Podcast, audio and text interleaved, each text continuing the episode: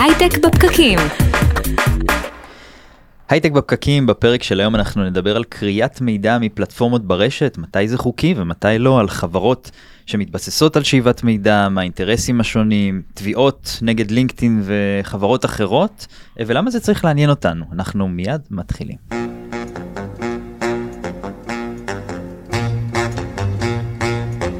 היי חברים, אנחנו כאן איתכם בהייטק בפקקים, מדברים על יזמות, סטארט-אפים, טכנולוגיה והעתיד, אנחנו משדרים לכם בפייסבוק live, כלכליסט, איצטדיון הסטארט-אפ, כל אפליקציות הפודקאסטים שאתם מכירים, פשוט כל מקום שאתם רגילים לשמוע דברים, אתם כותבים הייטק או בפקקים או הייטק בפקקים. אם שומעים אותנו. רוצה להאמין שהם כבר יודעים את זה. אתם מקבלים כן נוטיפיקציה בדרך כלל. רוצים להגיד גם שאם אתם יודעים את זה, אתם אולי לא יודעים שיש לנו קבוצת פייסבוק, שנקראת גם היא, באופן לא מפתיע, הייטק בפקקים. אנחנו לא מקוריים. כן, אם יש לכם איזה רעיון לתוכניות, או שאתם רוצים ליצור אותנו קשר, אז אנחנו שם. יפה, ומי שדיבר איתי כאן עכשיו זה אורי טולדנו, אם אתם לא מכירים אותו. כן. יפה, אהלן אורי, מה שלומך? בסדר, אתה כועס על לינקדאין? יכול להיות משהו רגשות שהרגשתי לפני השידור? אה, כועס זה מילה קשה, אני אני מאוכזב. לא מרוצה. לא מרוצה עד הסוף, כן. לא מרוצה. אה, ורגע לפני שנתחיל אנחנו אה, נגיד תודה לאינבסטור 360 שאתם מארחים אותנו כאן באולפן, אולפן מאוד יפה. הפודקאסטים הגדולה בישראל, בתחום הפיננסים. והשקעות. תודה, תודה רבה. אה, ואורי, אני חושב שאפשר לפנות אה, מיד למרואיינים שלנו, נכון? כן, יש לנו שניים, כן. שני אנשים חכמים אה, ומדהימים ונמצאים איתנו כאן אור לנצ'נר מנכ"ל ברייט דאטה ודוקטור נמרוד קוזלובסקי מייסד סייטקטיק ניהול משברי סייבר אהלן חברים. אהלן. אז אה, אור על ברייט דאטה מה, מה אתם עושים? אה, אז מאוד רלוונטי לנושא של הפרק, אני חושב, אנחנו מזה שבע שנים מייצרים בעצם אה, תוכנה, SaaS, Software as a Service, שעושה אוטומציה לאיסוף מידע פומבי מהאינטרנט, שלמעשה כבר אה, מזמן, זה בערך אה, מאגר המידע הגדול בהיסטוריה של המין האנושי. כן. כן, כן זה, זה ככה וזה לא מפסיק לגדול. רוב המידע, או חלק גדול מהמידע שם הוא פומבי, ואנחנו מפתחים כלים שאוספים אותו בשביל לקוחות שלנו, מעל 15 אלף לקוחות, שבעה מתוך עשרת אה, אה, חברות ה e-commerce הגדולות בעולם, בנקים, מי לא, אנחנו כבר איזה 400 איש. אחת מחברות ה scraping הגדולות בעולם, אפשר לומר?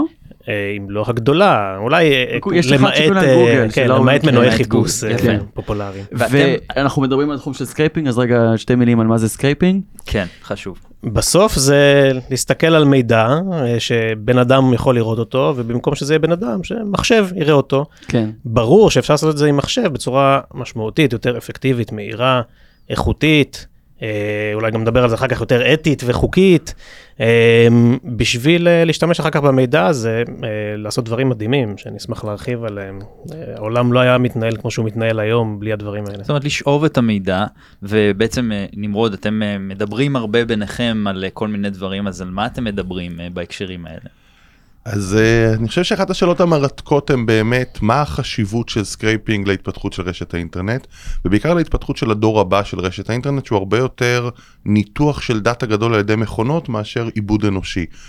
אין ספק לכל המומחים שעוסקים בתחום, הצורך הגדול שיש לנו בשביל לפתח בעיקר פתרונות real time, פתרונות ריל טיים שמאפשרים לנו נגיד אה, תכנון אה, מוצרים, תכנון רכש, אופטימיזציה של שרשרות אספקה, יכולת לעשות עיבוד חכם של מידע לצורך תובנות אנושיות, אה, שימוש בבינה מלאכותית בזמן אמת לצורך טיוב, הדבר הזה מחייב שלמכונות תהיה גישה לדאטה בכמויות גדולות בזמן אמת. האינטרנט נבנה כרשת אנושית, המטרה המרכזית הייתה בהתחלה איך בני אדם ייגשו לדאטה, יקראו מאמר, יקראו חומר, היא נבנתה על הרעיון של החוקר האנושי. היום הרשת אמורה להיות מותאמת בעיקר למערכות מחשב או למערכות ביג דאטה שיכולות לעשות עיבוד ממוחשב אוטומטי.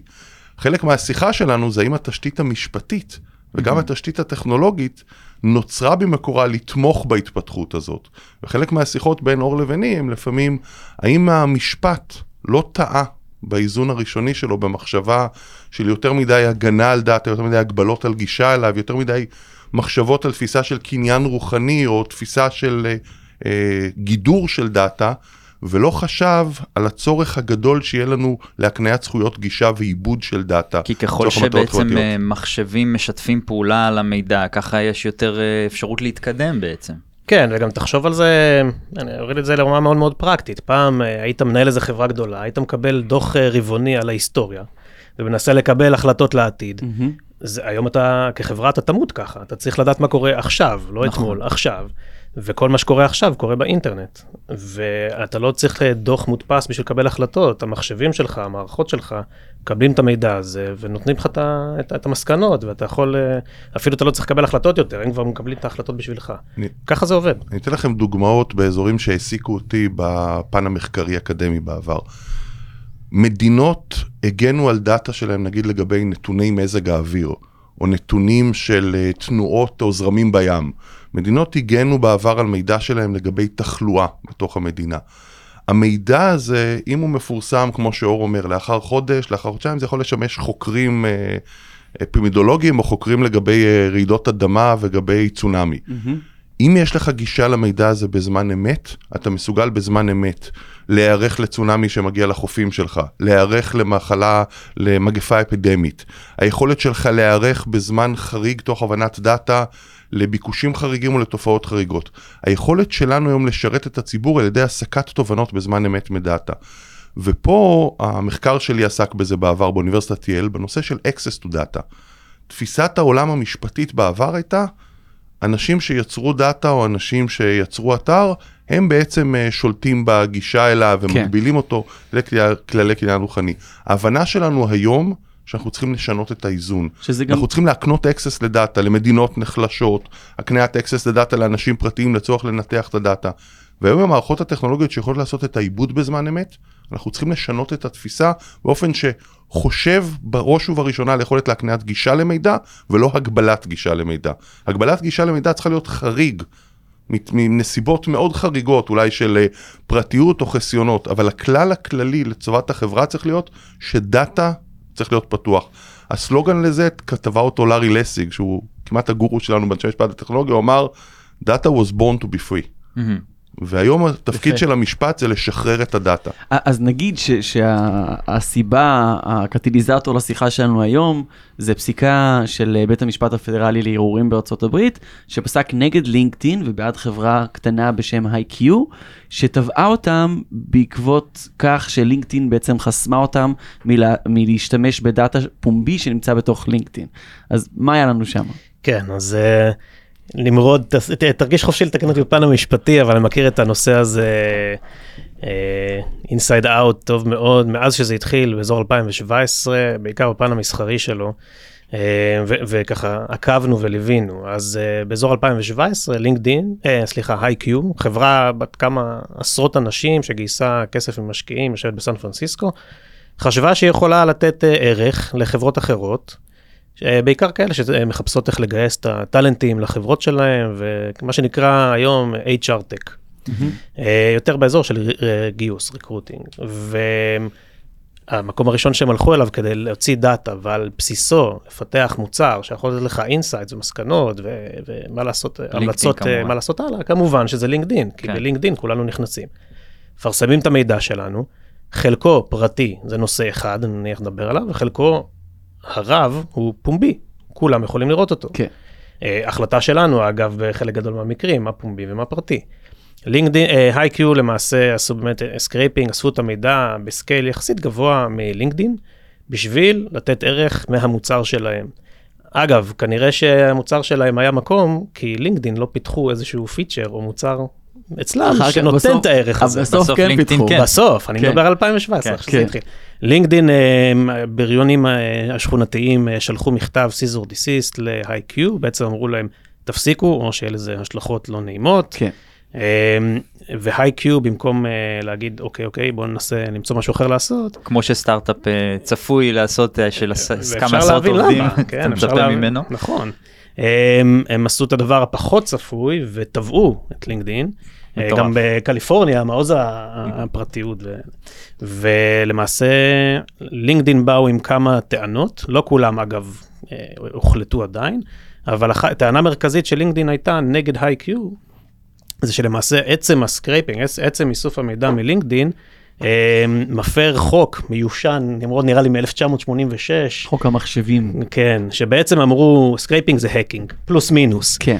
אה, השופט בעצם אמר לא. מה שהופך היה את גוגל ל- לעבריינית מאוד גדולה, אם scraping באמת זה hacking.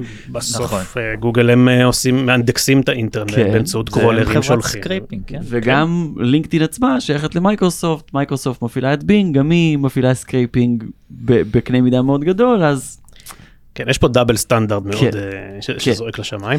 השופט אמר לא, כאילו זה לא האקינג, הם ערערו, השופט אחר אמר בערך אותו דבר. אה, זה גם די ברור אבל שלינקדאין עושה את הדברים האלה כדי שמוצרים אחרים לא ישתמשו בדאטה שלה כדי אה, כדי לייצר איזשהו יתרון והם יוכלו הם יהיו האונרים הבלעדיים של הדאטה כדי לבנות מוצרים על הפלטפורמה שלהם ואז אם הם בונים מוצר שהוא בדיוק עושה אותו דבר כמו המוצר השני איפה בעצם המניעה המשפטית מלהשתמש במידע שלהם. אז כאן אני חושב, מה שמדהים אגב, אור, אם אתה מחפש התמחות אה, משפטים בשלב כלשהו, כן, כבר אמרנו שבקריירה השנייה שלי נעבוד ביחד. די מרשים, ה...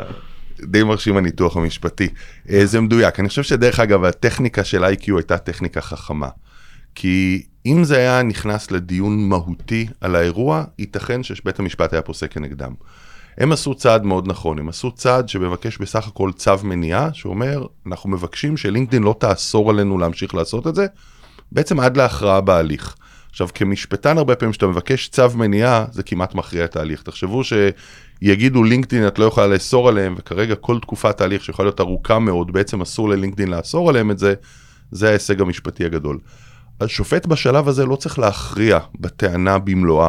הוא לא צריך להכריע בשאלה האם החוק האכן מיושן הזה, שקבע ש-unauthorized access, כלומר גישה בלתי מורשית למידע או למערכות מידע, בפועל היא סוג של hacking, האם scraping מקיים unauthorized access, כי לא הרשו לי להיכנס למידע, הוא לא היה צריך לשאול את השאלה הזאת במלואה, הוא אמר, האם הטיעון הזה יכול להיות שיתקבל, או יכול להיות שלאחר דיון משפטי נגיע למסקנה שיש ממש בטענה, אז עוברים בעצם בכלל לתחום של דיני צווי המניעה, מה המשמעות אם אני אתן את צו המניעה או לא אתן, והוא אומר בצורה פשוטה, הוא אומר, אם אני לא אתן את צו המניעה, חברת היי-קיו תקרוס. ולא יהיה כבר צורך לנהל את ההליך המשפטי. כן. הוא אומר, לעומת זאת, אם אני לא אתן את צו המניעה, לכל היותר לאחר מכן יהיו פיצויים ללינקדאין או נפסיק את הפרקטיקה. אבל המהלך המאוד חכם הזה, אגב, של IQ, שרוב הסטארט-אפים אכן לא נלחמים משפטיים, כי בארצות הברית עלויות ליטיגציה הן אדירות. אתה לא רוצה להתעסק עם זה. אתה לא רוצה להתעסק. ילד צריך במלחמת לבנות. מוצר. אבל כן, IQ הולכת כנראה למהלך עם המשקיעים שלה להגיד אני בעצם מהמרת על כל הקופה בתביעה הזאת עם לינקדאין. ובית המשפט אכן אומר וזו השאלה המשפטית המעניינת האם הגיוני שתפיסה שהייתה באמת בשנות ה-70 וה-80 שכל פעם שאני נכנס למידע בלי הרשאה או בלי שאמרת לי באופן ספציפי אתה יכול אה, לגשת אליו שאני אומר לך אה, לך אני לא מרשה לכל השאר כן לך אני לא מרשה האם אנחנו צריכים להתייחס לזה כהאקינג. ובסופו של דבר הכלל של non-authorized access הניח אכן שאני נכנס לך למחשב ומחפש mm-hmm. חומרים, שנכנס למאגר מידע ובידיעה שאין לי הרשאה מגלץ ממנו מידע. אבל האם, וזו השאלה הגדולה, האם ברשת האינטרנט שמידע נמצא פומבי וגלוי, על ידי אנשים שהחליטו לשים את המידע שלהם באופן פומבי וגלוי, זה המידע שלהם, האם לאותו מידע פרט, פומבי וגלוי שהם החליטו לשים ככזה, יכול להיות שהפלטפורמה תחסום עליי בעצם את הגישה למידע ותגיד לא, בעצם יכולת עיבוד המידע שלכל השאר קיימים, אני אוסרת על הגורם הזה. כן. והתפיסה הזאת היא כבר תפיסה שונה, היא כבר לא איזון של אני בעלי המידע אוסר עליך גישה, אלא אם המידע שזמין לכולם, אתה הגורם שיכול לעשות שימוש במידע הזה, אסור בו, ואז השאלה היא באמת, מהם הגבולות של הפלטפורמות בהגבלת גישה למידע עליהם. ואני חושב שהמשפט הזה מעניין כי זה פעם ראשונה שאנחנו בעצם רואים מגמה של בתי המשפט שאומרים אנחנו צריכים לרכך לגמרי את חוקי ה hacking. כי אם כל פעם שחילוץ מידע פומבי ברשת עלול להיתקל בטענת hacking, אנחנו בעצם נחסום את ההתפתחות הטבעית שיש של עיבוד מידע. עכשיו תחשבו בדבר הכי בסיסי, אפליקציה להשוואת אה, מחירים לצרכנים. כן. אפליקציה שיכולה לברר אפילו אם הפרו את הזכויות שלי, האם בתוך אתרים יש מידע מפר. אפליקציה שמאפשרת לי לדעת אפילו אם ישנה הפרת קניין רוחני שלי. כל מקום שבו אני אגיד אסור לי ללכת ולעשות עיבוד מידע רחב, פוסל את האפליקציה זה הזאת גם מראש. נותן הרבה מדי כוח לאותן פלטפורמות גדולות שבעצם אין עוד מאגר מידע כל כך מעודכן, כל כך איזה, אין משהו דומה לזה בכלל כמו, בגלל כמו זה, פלטפורמה. בגלל זה לינקדאין. נלחמות. נכון. זה- בגלל זה. אז אני אומר, זה, זה משהו שהוא... זו שאלה של דיני תחרות קצת. לגמרי. נכון. ל- לאסור גישה למידע בלינקדאין זה בעצם לאסור גישה למידע המקצועי בעולם. נכון. דרך אגב, זה מי כוח שמסתכל- בלתי רגיל. מי שמסתכל, וזה בכלל מהפכה מרתקת בעולם המשפטי בארצות הברית, מה שקרה. תקופה ארוכה כל מי שהסדיר את עולם הטכנולוגיה היה אנשים עם גישה שהיא מאוד גישה של מגנה על מידע, מגנה על זכויות יוצרים, תפיסה אמריקאית מאוד קלאסית של להגן על IP. פתאום היה שינוי דרמטי בממשל ביידן, מונתה כראש ה-FTC, ראש הרשות להגנת בעצם הסחר, בחורה צעירה מאוד, בת 30 וקצת, בוגרת יל, שהגיעה עם תפיסה הפוכה לחלוטין, עם תפיסה בעצם בדיוק כמו שאתה אומר, שהגבלת גישה למידע זה פגיעה בתחרות, שכללי קניין רוחני שמגבילים את היכולת שלי לעשות מידע שזמין שם, פוגעים באינוביישן, פוגעים בעצם בחברות טכנולוגיה קטנות שרוכבות על המידע הפומבי הזה. היא הצליחה להבין שלפעמים הנקודת כשל לחדשנות היא העובדה שיש מידע שמבחינה כלכלית לא הגיוני לייצר אותו שוב, לא הגיוני לייצר שוב מאגר מידע על כל הפרטים הפומביים של אנשים, לא הגיוני לייצר שוב מאגר מידע נגיד על כל המוצרים הזמינים. כן. פעם אחת שווה לייצר את המאגר הזה, אבל אם בעל המאגר כרגע חוסם כל גישה ושימוש בו, בעצם כל מה שנקרא השימושים הנגזרים ממנו שייכים לו, אני בעצם הרגתי את התחרות. זה, זה מזכיר לי רעיון נורא מעניין שהיה לנו עם uh, חברת K-Health כאן, ודיברנו על כל התחום של סינכרון בין אפליקציות שונות שאוספות עלינו מידע רפואי. אז לצורך העניין, אני מודד עם uh, day 2 את כל האינטייק שלי של המזון, ואני עם הגרמין שלי, אני עושה פה פרסומות, סליחה על זה, ועם אני גר- אני עם הגרמין הוא שלי, לא אני מקבל רץ, ו- כסף. כן, ו- רץ ורואה כמה קלוריות אני מוציא, ובינתיים האפל שלי בודק לי את, ה, את כמה צעדים עשיתי, וכל המידע הזה ביחד, אם אני אגש לרופא ואני אתן לו אותו, בתוספת לבדיקות דם שיש לקופת חולים שלי, אני אוכל להסיק מסקנות מדהימות. רק הבעיה של התחום הזה זה שכל חברה אוגרת את המידע עם עצמה, וזה המודל הכלכלי שלה, זה מובן, כן? אבל כצרכן, אם הייתי מקבל את כל המידע, סביר שלא הייתי מת, הייתי חי לנצח. אתה יודע, זה מזכיר לי ראיונים שעשינו על, על סין, שבסין הם, הם באים ואומרים לחברות, גם הגדולות, אומר, "אה, חבר, יש לך מידע, הכל בסדר, אבל המידע הזה הוא בסוף, אה, אנחנו, הוא שלנו, אנחנו נותנים לסטארט-אפים גם להשתמש בו ולעשות חדשנות על המידע שלך, בגלל שהממשלה היא כל כך חזקה, דרך. אגב, זה, אני- נרא, זה נראה בהתחלה הזוי, אבל אני חושב זה קצת שהדוגמה שונה, בתחום אבל- הבריאות, בתחום הבריאות היא מרתקת, הרי צריך להבין, ופה באמת אה, להוריד את הכובע בפני ממשלת ישראל שהבינה לפני כמה שנים שהמידע הרפואי זה בעצם נכס אדיר לחדשנות וזה. כבר לפני כמה שנים, אגב, תוך כדי שינוי החוק בנושא הזה, מדינת ישראל אומרת הרבה מאוד מהמידע הרפואי שקודם היה חסום לשימוש, אני פותחת אותו פתאום לסטארט-אפים ולניסיונות לגבי מידע רפואי, כי אני מבינה בדיוק, בדיוק כמו שדיברנו, שהדאטה הזה הוא בדיוק הכלי ל-Predictive Health, הוא בדיוק הכלי שאני יכול לעשות היסקים מביג דאטה, זה בדיוק הכלי שאני צריך בשביל לעשות פיתוח של כלי בינה מלאכותית שירוצו על סאמפלים גדולים. ומדינת ישראל בתוכנית, אני לא יודע כרגע מה הסטטוס שלה, אבל היא מומנה בכמיליארד שקל. הייתה בדיוק בשביל לפתוח את כל הדאטה הזה ולאפשר לחברות לרוץ מתוך הבנה, אגב, נגיד הכשל הגדול של מערכת הבריאות האמריקאית, היא שבדיוק הדאטה נעול בסיילוז. כן. כל רגע, גורם מטפל לא נועל את הדאטה. בוא לא נבלבל בין המידע הפרטי למידע. הפומבי, כי מה ש... שזה יכול גם להישמע מטריד עכשיו למי ששומע על הפסיקה, ואומר, רגע, איך זה ישפיע עליי, אולי אני לא רוצה שידעו.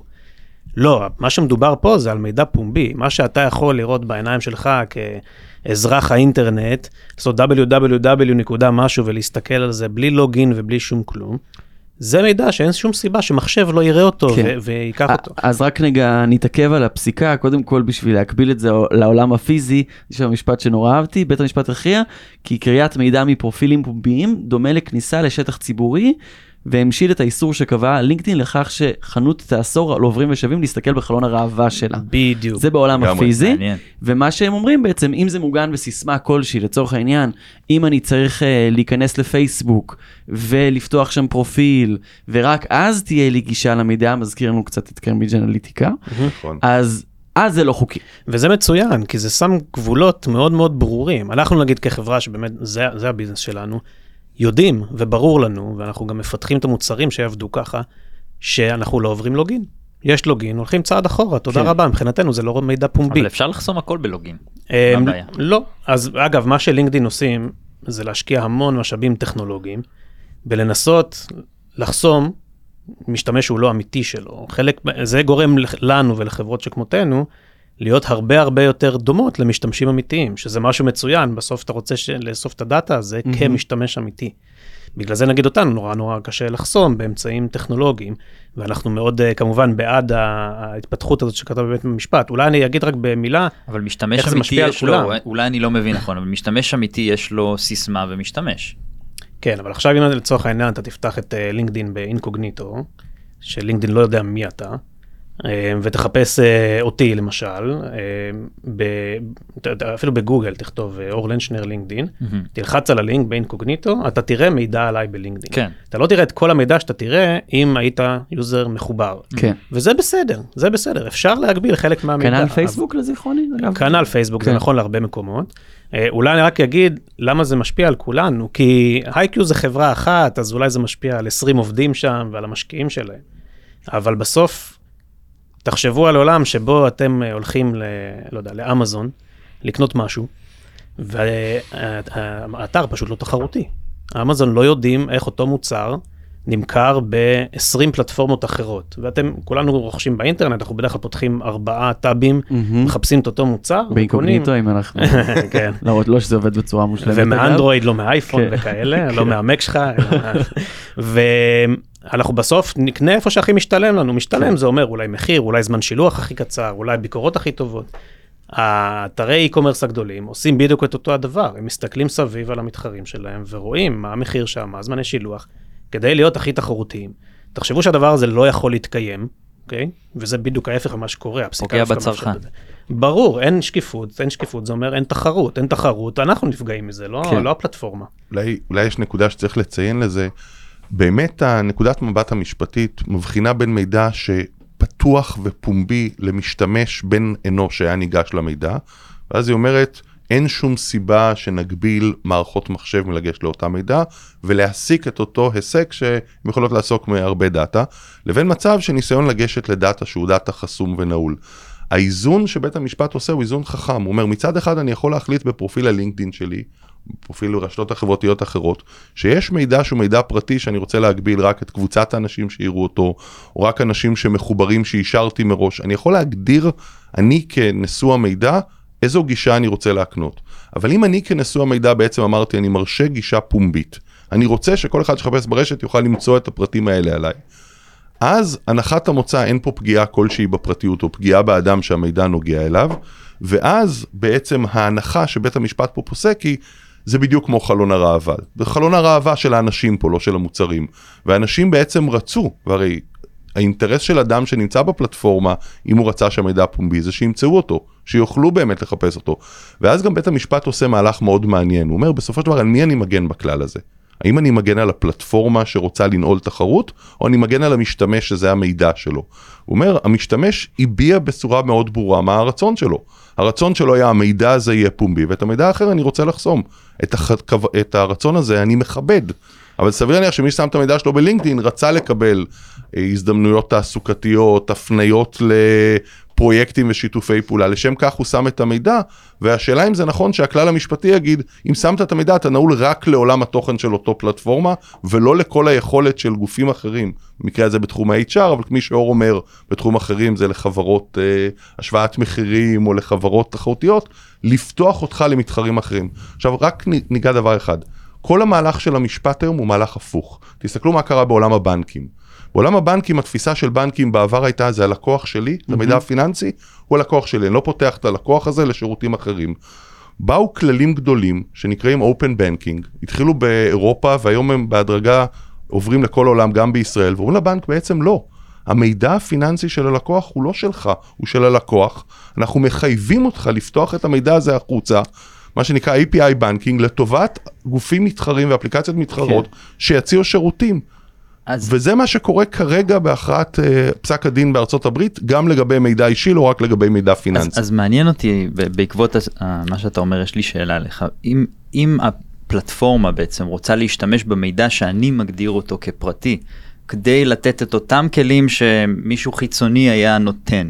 האם זה בסדר? אז זה מידע פרטי, אני רוצה לשמור אותו לעצמי, אבל הפלטפורמה מחליטה להשתמש במידע הפרטי שלי ולהנגיש אותו למעסיקים לדוגמה. א', זה לגיטימי לחלוטין שבן אדם מחליט פרטי מידע פרטיים אלה, אני מעביר לפלטפורמה, אני מוכן לשתף רק למעטים ולהסכים לתנאי שימוש שאומרים, אני מרשה לך כמובן כבעל הפלטפורמה, זה האינטרס המסחרי שלך, להציע לי שירותים על בסיס אותו מידע. שוב, פה דיני הפרטיות נכנסים לעניין וזה בסדר גמור.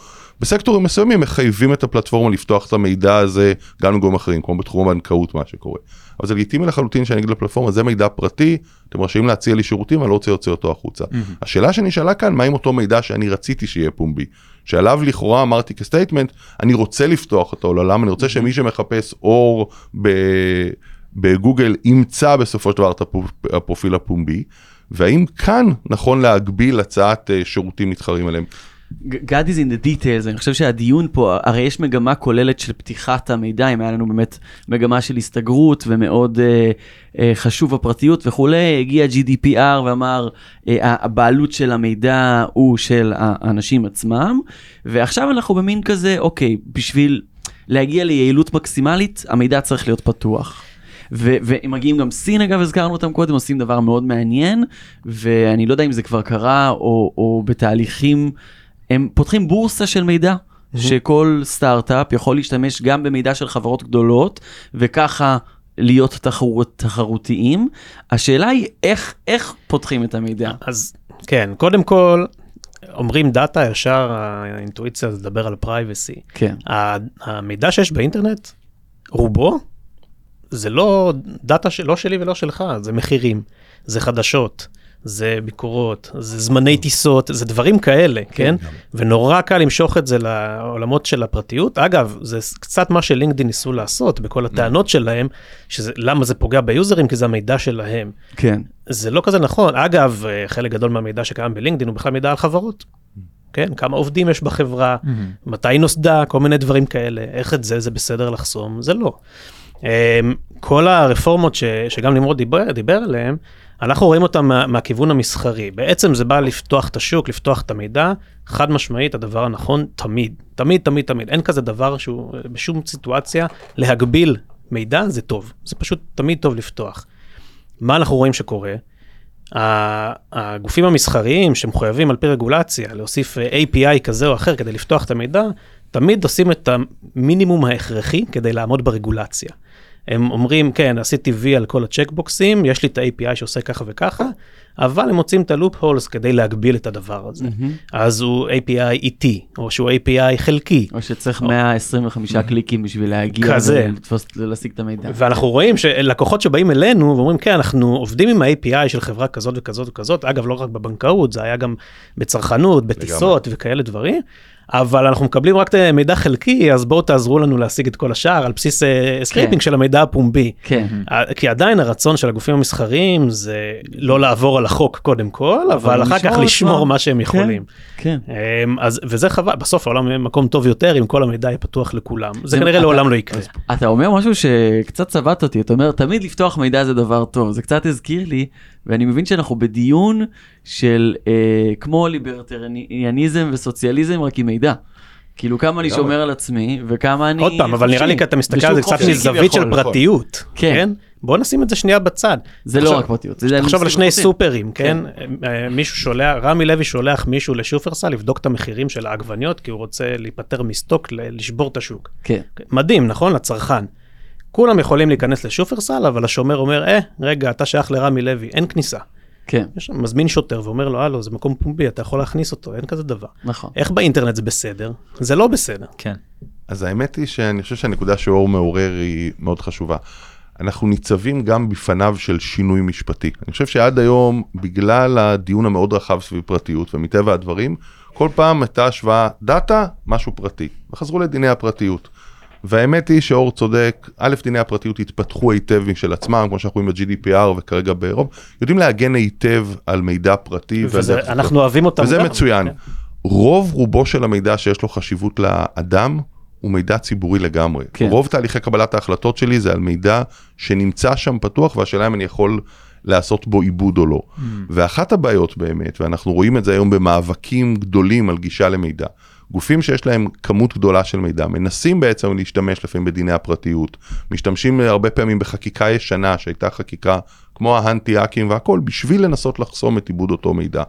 אבל אנחנו צריכים להבין, וזה יהיה מרתק בעשר שנים הקרובות. בעשר שנים הקרובות המלחמה תנדוד. אם המלחמה עכשיו הייתה, האם חוקי ההאקינג של שנות ה-80 מתאימים או לא לחסום בדיוק את אותו גישה למידע פומבי ברשת, ואני חושב שבסופו של דבר המגמה כבר הולכת לכיוון בית המשפט. שבעצם אומר כן. יותר פתוח. כן. אנחנו נראה את זה גם בכיוונים אחרים, כי חלק מהמניעה של גישה למידע היא לא באמצעי משפטי, היא באמצעי טכנולוגי. אם בעבר היה נהוג שכל אתר שם anti scraping או anti crawler טכנולוגי, לפעמים כשאני מזהה שזה crawler אז אני נותן לו מידע פגום, אני נותן לו אה, מיד, אה, גישה איטית יותר. crawler זה האמצעי שבאמצעותו כן. עושים את ה scraping. כן, זה הכלי הזה שבאמצעו אני זוחל באתר ואוסף כן. את המידע.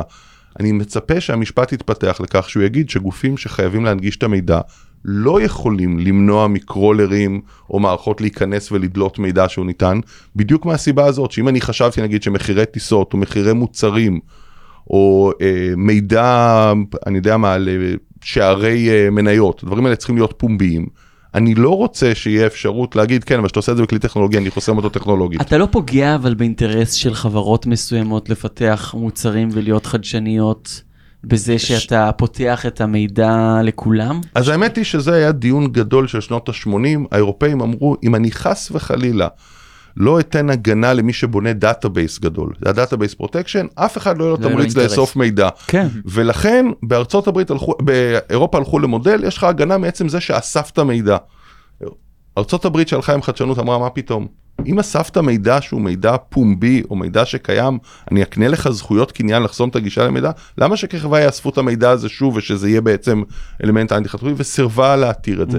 וראינו בסופו של דבר שהמודל האמריקאי אכן מודל שעודד הרבה חדשנות. גם היום, הרבה מאוד פעמים, אם החברה כל הvalue שלה בזה שהיא אספה את המידע, שהמידע הפומבי, כנראה שהvalue מצומצם.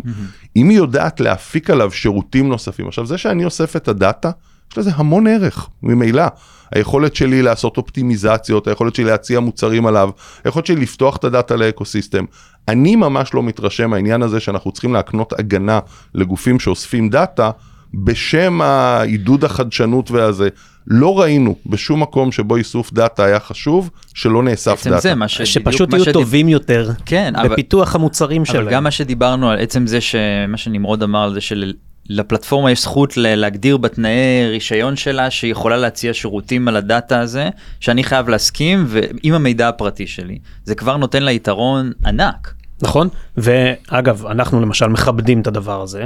יש uh, עוד מקרים של לינקדין נגד uh, אחרים של uh, שאותם חברות אחרות כן עשו לוגין וכן לא, לא כיבדו עזבו את תנאי השימוש של האתר לא כיבדו את רצון ה user ושם uh, זה לא הלך לטובתם בבית המשפט בדרך כלל זה אפילו לא הגיע לרמות האלה הם פשוט סגרו את ה business וזה גם בסדר זאת אומרת צריך לכבד את החוק צריך לעבוד בצורה אתית צריך לכבד את המשתמש ועוד פעם לזכור שרוב המידע ברשת הוא בכלל לא פרטי. כן, לא רלוונטי. דרך אגב, כנראה שהשינוי הגדול גם יהיה, היום חלק מהפלטפורמות טוענות, זה מכביד עלינו. באים ואוספים מאיתנו את המידע שוב ושוב, זה מכביד עלינו, אתם בעצם מגלגלים עלינו את העלות הזאת של האיסוף. אנחנו נראה פלטפורמות שעושות scraping או איסוף של המידע לתוך database מרכזי, נגיד מה כל המחירים שיש כרגע ברשת, מה כל הפרופילים האנושיים שיש, מה כל זמני הטיסות, מה כל החדשות שיש שם בחוץ, לא יצטרכו לעשות איסוף שוב, יהיה באמת תחרות בין גורמים שאומרים, אני יודע לאסוף את כל המידע הזה ולאנדקס אותו טוב, ולהציע עליו גישה. שזה קצת כמו מה שאנחנו רואים בטיסות. נכון. התחרות שם, מי מאנדקס את המידע טוב איך יותר. אתה חושב אבל שהם מקבלים את המידע הזה? מידע פומבי, אבל מאיפה... פתוח. הם- scraping. הם עושים ברור scraping, ברור, זה ברור. שאני אומר. שזה מה שאנחנו רואים. תבינו, אין כמעט חברה היום ש... רצינית ושיש לה את המשאבים הלא מאוד uh, מתוחכמים שצריך, שלא עושה את זה. כן. אין. כנראה גם החברות שמעורבות בתיקים האלה, גם אפילו מהצדדים הטובים או ההתקפיים, כנראה שהן גם אוספות מידע בדיוק באותן השיטות. כן. אבל דרך אגב, פה אני חושב שזו שאלה של context שלנו.